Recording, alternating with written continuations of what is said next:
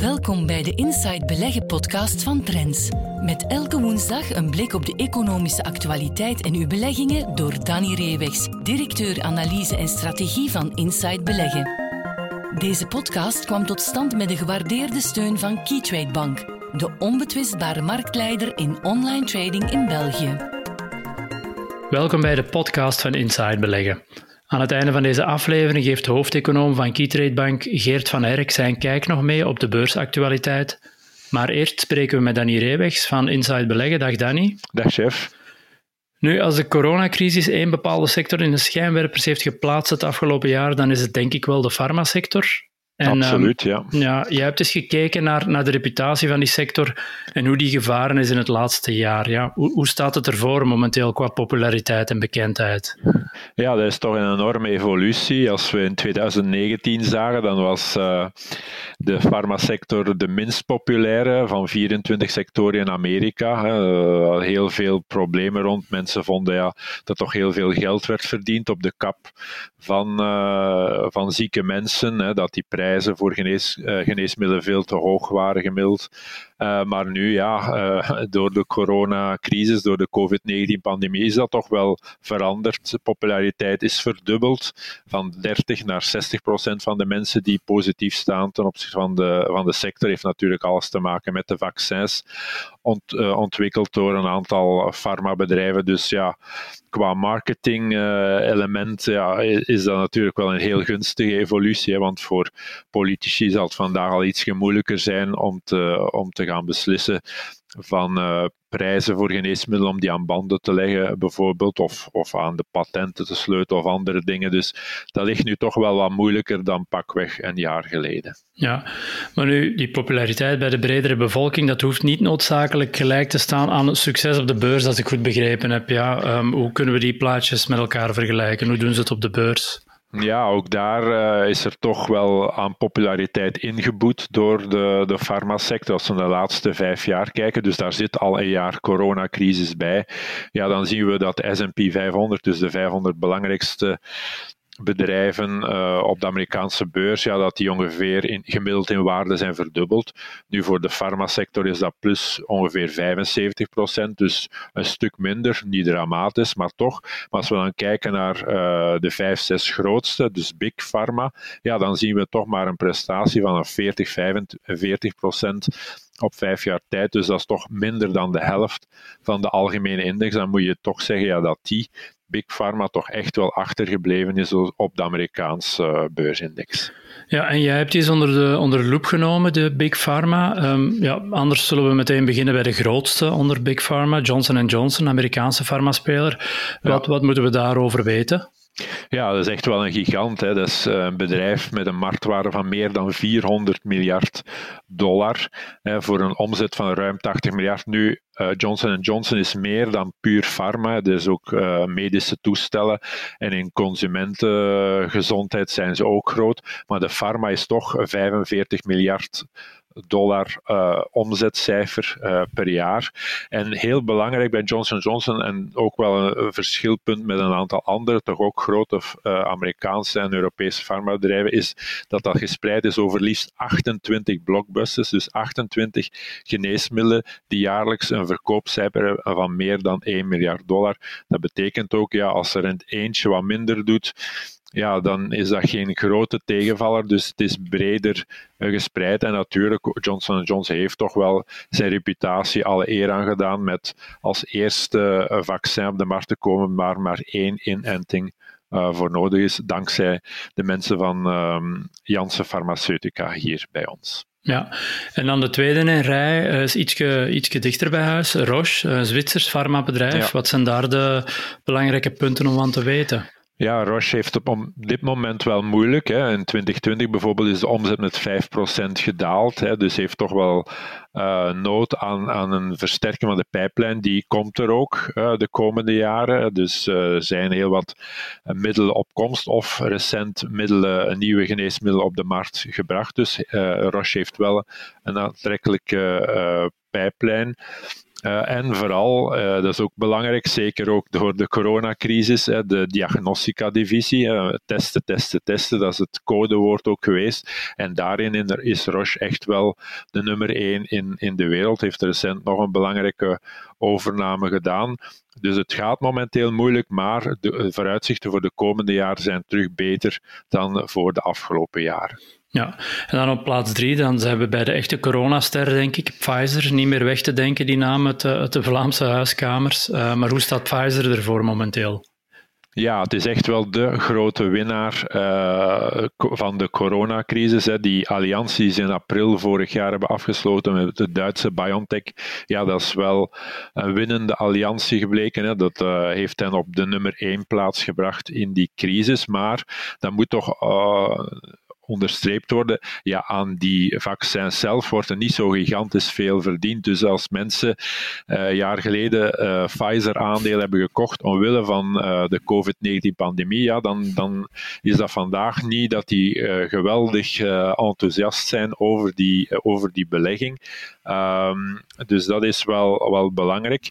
Nu, wat, wat we wel kunnen zeggen met betrekking tot Pfizer is dat het een mooi dividendaandeel is, uh, maar ook wel de hoogste waardering heeft op dit moment, omdat er wel uh, een, een, groei wordt verwacht de komende jaren richting 2025 van 6%. Dat lijkt niet zoveel, maar in pharma, in big pharma termen, is, is dat echt wel veel. Hè. We hebben anderen gezien dat die heel veel moeite hebben momenteel om omzetgroei te realiseren. Dus dat, dat is er wel, maar het zit momenteel ook, denk ik, al wel voor een stuk in de koers verrekend. Ja, en daarna komen we bij weer een Amerikaanse speler, Merck. Um, wat zijn daar de, de troeven en risico's?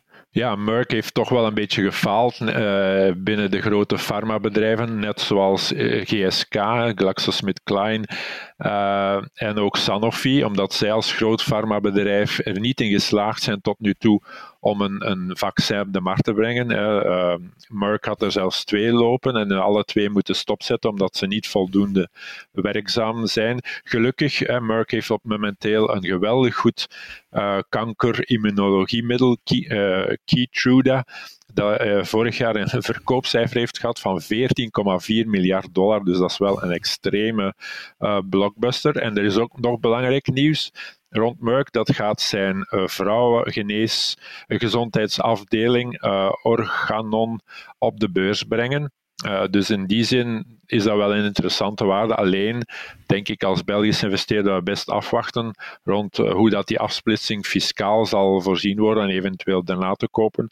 Maar uh, Merck is toch wel, misschien mee door die mislukking rond het coronavaccin, toch wel goedkoop gewaardeerd en heeft toch wel een fantastisch goed verkopend geneesmiddel momenteel aan boord.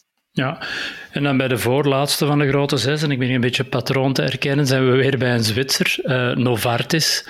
Wat moeten we over uh, Novartis weten als beleggers? Ja, dat ook Novartis het niet zo geweldig goed doet. Allee, het moeilijk heeft om omzetgroei te, te realiseren.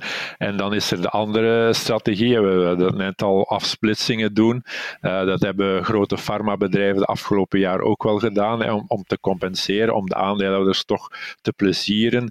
Uh, zo heeft uh, Novartis in 2019 al zijn oog uh, divisie Alcon afgesplitst. En ze zouden dat mogelijk nu ook van plan zijn met hun generische dochter Sandoz, hè, die op dat vlak toch wel wereldvermaard is. Dus dat is dan een manier om aandeelhouderswaarde te gaan creëren. Daar zijn geruchten over, dat is nog niet definitief. Maar als het moest aangekondigd worden, ja, dan kan dat toch tijdelijk wel voor een koersimpuls gaan zorgen. Ja, en tot slot uh, komen we weer bij een Amerikaan, het uh, Amerikaanse AbbVie. Dat heeft een iets tumultueuzer parcours gereden de laatste jaren in vergelijking met de rest, denk ik. Ja, is in, de, in het nieuws gekomen door die heel grote overname. 63 miljard dollar hebben ze betaald voor Allergan dus voor uh, bekend van Botox, hè, eh, vandaar wereldberoemd geworden. En dat heeft te maken met het feit ook dat zij voor een belangrijk punt staan. Zij verkopen het, het meest verkochte geneesmiddel ter wereld, Humira. Dat heeft vorig jaar bijna 20 miljard dollar, 19,8 miljard dollar omzet gerealiseerd. Maar het patentverval komt er in 2023 in Amerika. Dus ja, dat wordt een serieuze aderlating. Vandaar dus ehm, die omzet, 9 miljard uh, halen ze uit, die, uit Allerga. Maar het heeft dus heel veel geld gekost. Dus AbbVie is ook wel binnen Big Pharma het bedrijf met uh, de hoogste schuldgraad, hè, toch wel een belangrijke schuldpositie. Vandaar ook wel uh, momenteel het goedkoopste pharma-aandeel onder de grote jongens. Ze hebben wel de hoop met Rin, Rinvoq dat ze een nieuw stermiddel hebben. Dus in de categorie waar filgotinib van Galapagos zat. Maar er zijn wel wat issues, veiligheidsissues bij die reuma-middelen dus het is nog uitkijken of dat echt zoveel miljarden verkoop gaat geven dan momenteel werd ingeschat. Ja, nu om even met een, een beetje een overkoepelende gedachte af te sluiten voor beleggers die, die wat meer naar pharma willen kijken. Want jij bent ook een ervaren biotech-belegger, wat dat dan een, subsegment van farmabeleggen is, zou je kunnen zeggen. Moeten ze naar grotere, mature farmaspelers kijken als, als een soort basiswaarde voor in de portefeuille, die je dan verder stoffeert met biotech-beloftes? Of, of hoe kijk jij ja, ernaar? Absoluut. Ik denk dat uh, als je een Johnson Johnson of een Pfizer koopt, hè, dan eventueel aanvult met een groei als Merck of, of AbbVie, ja, dan, uh, dan neem je voor een stuk defensief iets in portefeuille portefeuille, dividend. Hè. Bijvoorbeeld Johnson Johnson heeft al 59 jaar op rij, 59 jaar op rij het dividend verhoogd. Dus ja, dan zit je wel met stabiele basiswaarden. Uiteraard, uh, niet alle geneesmiddelen worden succes. De verkoop kan tegenvallen of in de laatste fase nog maar. Daar heb je toch wel een, een serieus vangnet. Dus dat, uh, en de waarderingen zijn redelijk. Hè. Er zijn tijden geweest dat er gigantisch veel betaald werd voor farma-aandelen. Dat is voorbij de jongste jaren. En misschien komt er toch nu opnieuw een elan. Ze hebben samengewerkt en zo in de sector. Hè, dus om met verenigde krachten terug te gaan zoeken naar nieuwe uh, geneesmiddelen. Zeker het domein van kankerimmunologie is, is heel omvangrijk, heel groot. Dus ja, er zitten toch nog wel kansen in die sector, denk ik. Ja, oké. Interessant om mee te nemen, bedankt. En um, als aandeel van de week heb jij de Belgische beurslieveling Umicore erbij gehaald. Die ja. kwam recent met een aangename verrassing. Ja, waar wist het de markt mee te verblijden? Ja, met een serieuze optrekken van de winstverwachting voor, uh, voor dit jaar. Dus een positieve winstwaarschuwing in feite. En vorig jaar was een moeilijker jaar, hè, ongeveer een bedrijfswinst van 500 miljoen. Nu hadden analisten dat voor dit jaar opgetrokken naar 700 miljoen. Maar Umicore kwam zeggen, ja, nee, wij mikken ergens toch in de buurt van 1 miljard euro. Dus die magische grens om die te gaan uh, bereiken. En dat was toch wel een heel, heel positieve marktverrassing. Ja. En zijn er, zijn er kanttekeningen bij te plaatsen? Nou, je wilt het zeggen dat het, als het dit jaar 1 miljard haalt, dat het dat volgend jaar uh, zonder verpinken ook zal halen? Of, of moeten we daar met andere dingen rekening houden? Ja, dat kan je niet zomaar doortrekken, omdat ja, de, deze verwachting vooral gestuurd wordt door de recyclagedivisie. En die is natuurlijk afhankelijk van de metaalprijzen. Nu, die zijn momenteel geweldig booming, hè, gaan enorm vooruit meest frappante voorbeeld is rhodium, een zeldzaam uh, metaal waarvan de prijs vorig jaar uh, met meer dan 150% is gestegen en dit jaar gewoon verder doorgaat. Dus een kilo rhodium, om maar te zeggen, is momenteel 1 miljoen dollar uh, prijswaarde. Dus dat is 15 keer de prijs van een kilo goud. Dus ja, dat is zeer zeldzaam essentieel om te gebruiken in katalysatoren. Dus ja, de, de prijzen gaan echt omhoog. En vandaar dus dat ongeveer de helft van die uh, eh, 1 miljard zou moeten komen van de recyclagedivisie. Wat dan natuurlijk toch wel een, een serieuze toename is ten opzichte van vorig jaar. Uiteraard, die prijzen zijn nu zo hoog. Er wordt niet meteen verwacht dat die scherp gaan dalen, maar er is geen enkele garantie in 2022 dat die prijzen nog zo hoog gaan zijn. Uh, dus ja, dat is altijd de cyclische factor. Maar op dit moment echt wel een, een fantastische winstbron voor voor Umicore. Ja, en naast recyclage heeft het dan ook twee andere afdelingen, katalysatoren en materialen voor batterijen en dergelijke. Wat moeten we ons daarbij voorstellen?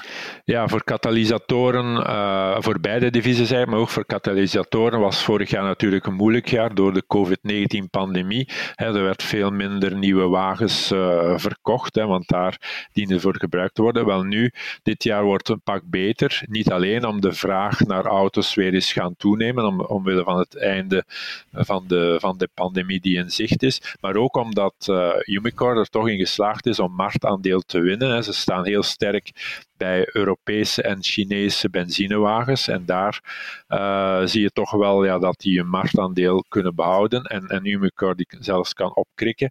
Dus dat is wel een gunstige evolutie. Dus dit jaar zou uh, volgens eigen prognoses van het management dus de winst in die afdeling gaan verdubbelen ten opzichte van uh, eh, 2020. Ja, en zoals ik al zei, het is een van de beurslievelingen van het afgelopen jaar, van de afgelopen jaren, maar dat was ook wel duidelijk af te lezen aan de waardering of anders gezegd, het is redelijk duur. Um, ja, hoe moeten we daar naar kijken? Hoe kijk jij naar de waardering momenteel?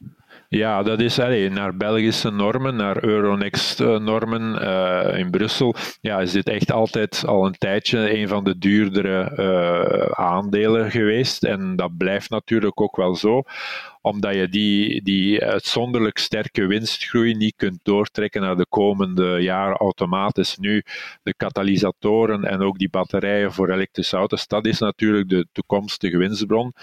Die recyclageafdeling, ja, dat zal er altijd betere en mindere jaren gaan, gaan afwisselen in functie van de, de prijzen van de metalen, waar dat ook Umicore zelf geen, geen vat op heeft. Maar ja, tegen elf keer uh, de bedrijfskaststroom, ja, ziet je EV-EBITDA, is dat toch wel uh, een vrij hoge waardering naar, uh, naar Belgische normen, maar nog wel aanvaardbaar gezien ja, die, die enorme stijging en het groeipotentieel, winstpotentieel in die twee andere divisies op langere termijn. Ja, zeker om in de gaten te houden. Dus jij bent heel hard bedankt voor jouw tijd en inzichten deze week en graag tot volgende week. Graag gedaan, tot volgende week. We luisteren nu naar Geert van Herk, Chief Economist van Keytrade Bank, met zijn analyse op een aspect van de economische actualiteit. Hallo iedereen en welkom bij onze wekelijkse update. De maand mei is aangebroken en we moesten dan weer terugdenken aan het populaire beursgezegde Sell in May and go away. Dus is het moment nu aangebroken om aandelen in je portefeuille te gaan verkopen, want er komt toch een slechte periode aan, althans als we de beurswijsheid mogen gebruiken. Nu, een eerste vaststelling is dat het inderdaad juist is dat de periode van november tot en met april, dat dat vanuit historisch standpunt altijd een goede maand geweest is voor een belegging in aandelen. We hebben natuurlijk heel veel data van de Amerikaanse markt. Dus als we de geschiedenis van de SP 500 bekijken sinds de jaren 50, dan zien we dat er gemiddeld genomen in november en april een winst van 6,8% behaald wordt voor deze referentieindex. Dus november-april, gemiddelde winst van de SP 500 6,8%. Als we dan de periode bekijken van mei tot oktober, die behoort inderdaad tot de zwakste periode. Opnieuw, de geschiedenis leert ons dat we in deze periode gemiddeld slechts 1,7% winnen met een belegging in Amerikaanse aandelen. Nu, we zeggen er al onmiddellijk bij, een winst van 1,7 is nog altijd winst. Als je dat natuurlijk over verschillende jaren gaat cumuleren en je gaat aan de kant staan eind mei, ja, dan verlies je natuurlijk ook deze performance. Dus dat is toch al een eerste belangrijke kanttekening bij uh, dit populaire gezegde sell in May en go away. Wat ons ook nog opviel is dat de afgelopen tien jaar, van 2011 tot en met 2020, de periode van mei tot oktober, tot eind oktober, een zeer goede maand geweest is. We hebben tien jaar geschiedenis. Nu in twee van de tien jaar hadden we een negatieve return. En dan nog 2015 was er slechts een verlies van 0,3%. Enkel in 2011 ging de S&P 500 van de periode mei tot oktober 8,1% onderuit. De andere jaren waren zeer positief. Bijvoorbeeld in 2017 steeg de S&P 500 ja, met 8%. En herinner u, vorig jaar, 2020, zelfs plus 12,3%. Dus opnieuw, de recente geschiedenis toont aan dat het niet altijd zo slim is om uh, eind mei of uh, eind april, excuseer, uit de markt te stappen, uh, in cash te gaan zitten en slechts in november terug in aandelen te beginnen beleggen. Goed, er is natuurlijk ook nog wel de dag van vandaag ja, wat meer uh, cijferwerk naar boven gekomen. En een aantal analisten zijn natuurlijk aan het werk geslagen. Het is ook een beetje leuk om dat te doen. Hè. Om dat sell in May en go away principe of gezegde een beetje te testen. Eh, wat zou er bijvoorbeeld gebeuren als iedereen zeer positief is? We weten dat vandaag de dag ja, de sfeer op de beurs, zeker de Amerikaanse beurs, toch redelijk positief is. Een graadmeter voor dat optimisme is een beetje het sentiment onder de beleggingsbladen. Er zijn in Amerika een aantal onderzoeksinstituten die op wekelijkse en maandelijkse basis bijhouden welk advies de Amerikaanse beleggingsbladen hun lezers geven. En ja, de afgelopen tijd is na twee op de drie beursbladen zeer positief ten opzichte van aandelen. Nu, als we dat in de vergelijking gaan, gaan nemen, dus uh, ja, wat gebeurt er met de S&P 500 van mei tot en met eind oktober, als het sentiment onder de beursanalisten ja, zeer positief is, ja, dan stellen we wel vast dat de, de returns de komende maanden wel wat lager dan het gemiddelde zullen zijn. Dus dat is toch wel misschien ook een beetje tegengas, wat we zo net zeiden. Dus uh, de afgelopen tien jaar, de periode van mei tot eind oktober, uh, was zeer positief. Maar daar komt vandaag de dag ook nog eens bij dat de S&P 500 eigenlijk op historisch hoge niveau staat. We staan op nieuwe records voor de Amerikaanse aandelenmarkt. Opnieuw, als we in het verleden gingen kijken naar periodes waarin de S&P 500 op een heel hoog niveau stond, nieuwe records, en ook nog eens zeer positief sentiment onder de beleggingsblad. En wat we vandaag ook hebben, dan stellen we opnieuw vast, dat is acht keer gebeurd in het verleden. Wel, die acht keer hebben toch een hogere return dan gemiddeld opgenomen, dus opgeleverd. Dus historisch gezien 1,7% sinds de jaren 50, maar een hoog positief sentiment onder de beleggingsbladen, plus een S&P 500 die op recordhoogtes noteert, dan is de periode van mei tot eind oktober toch altijd beter hè, dan die 1,7% die we gemiddeld halen. Goed, we ronden af. Wat is de boodschap die we u willen meegeven? Ja, sell in May en go away. Dus nu gaan verkopen. Aan de kant gaan staan, denk ik, is geen goede oplossing. Want over de geschiedenis heen zien we dat de periode van mei tot eind oktober toch altijd positieve, een gemiddelde positieve return heeft opgeleverd. Dus als je aan de kant gaat staan, loop je rendement mis. Komt daarbij inderdaad vandaag nog dat we ja, positieve sfeer hebben, groot optimisme onder de beleggers, een S&P 500 die uh, op historische records noteert, op wat, zie, wat leert de geschiedenis ons zeer zeer goede resultaten voor de periode van mei tot oktober. Dus op dit moment aan de kant gaan staan, denk ik, is geen optie. Um, de Amerikaanse beurs doet het nog altijd goed.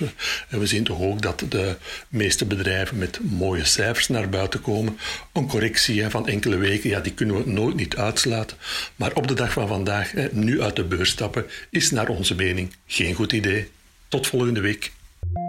Tot zover deze aflevering van de Inside Beleggen podcast. Meer tips, advies en analyses voor uw beleggingen leest u morgen in Trends. Volgende week zijn we er opnieuw.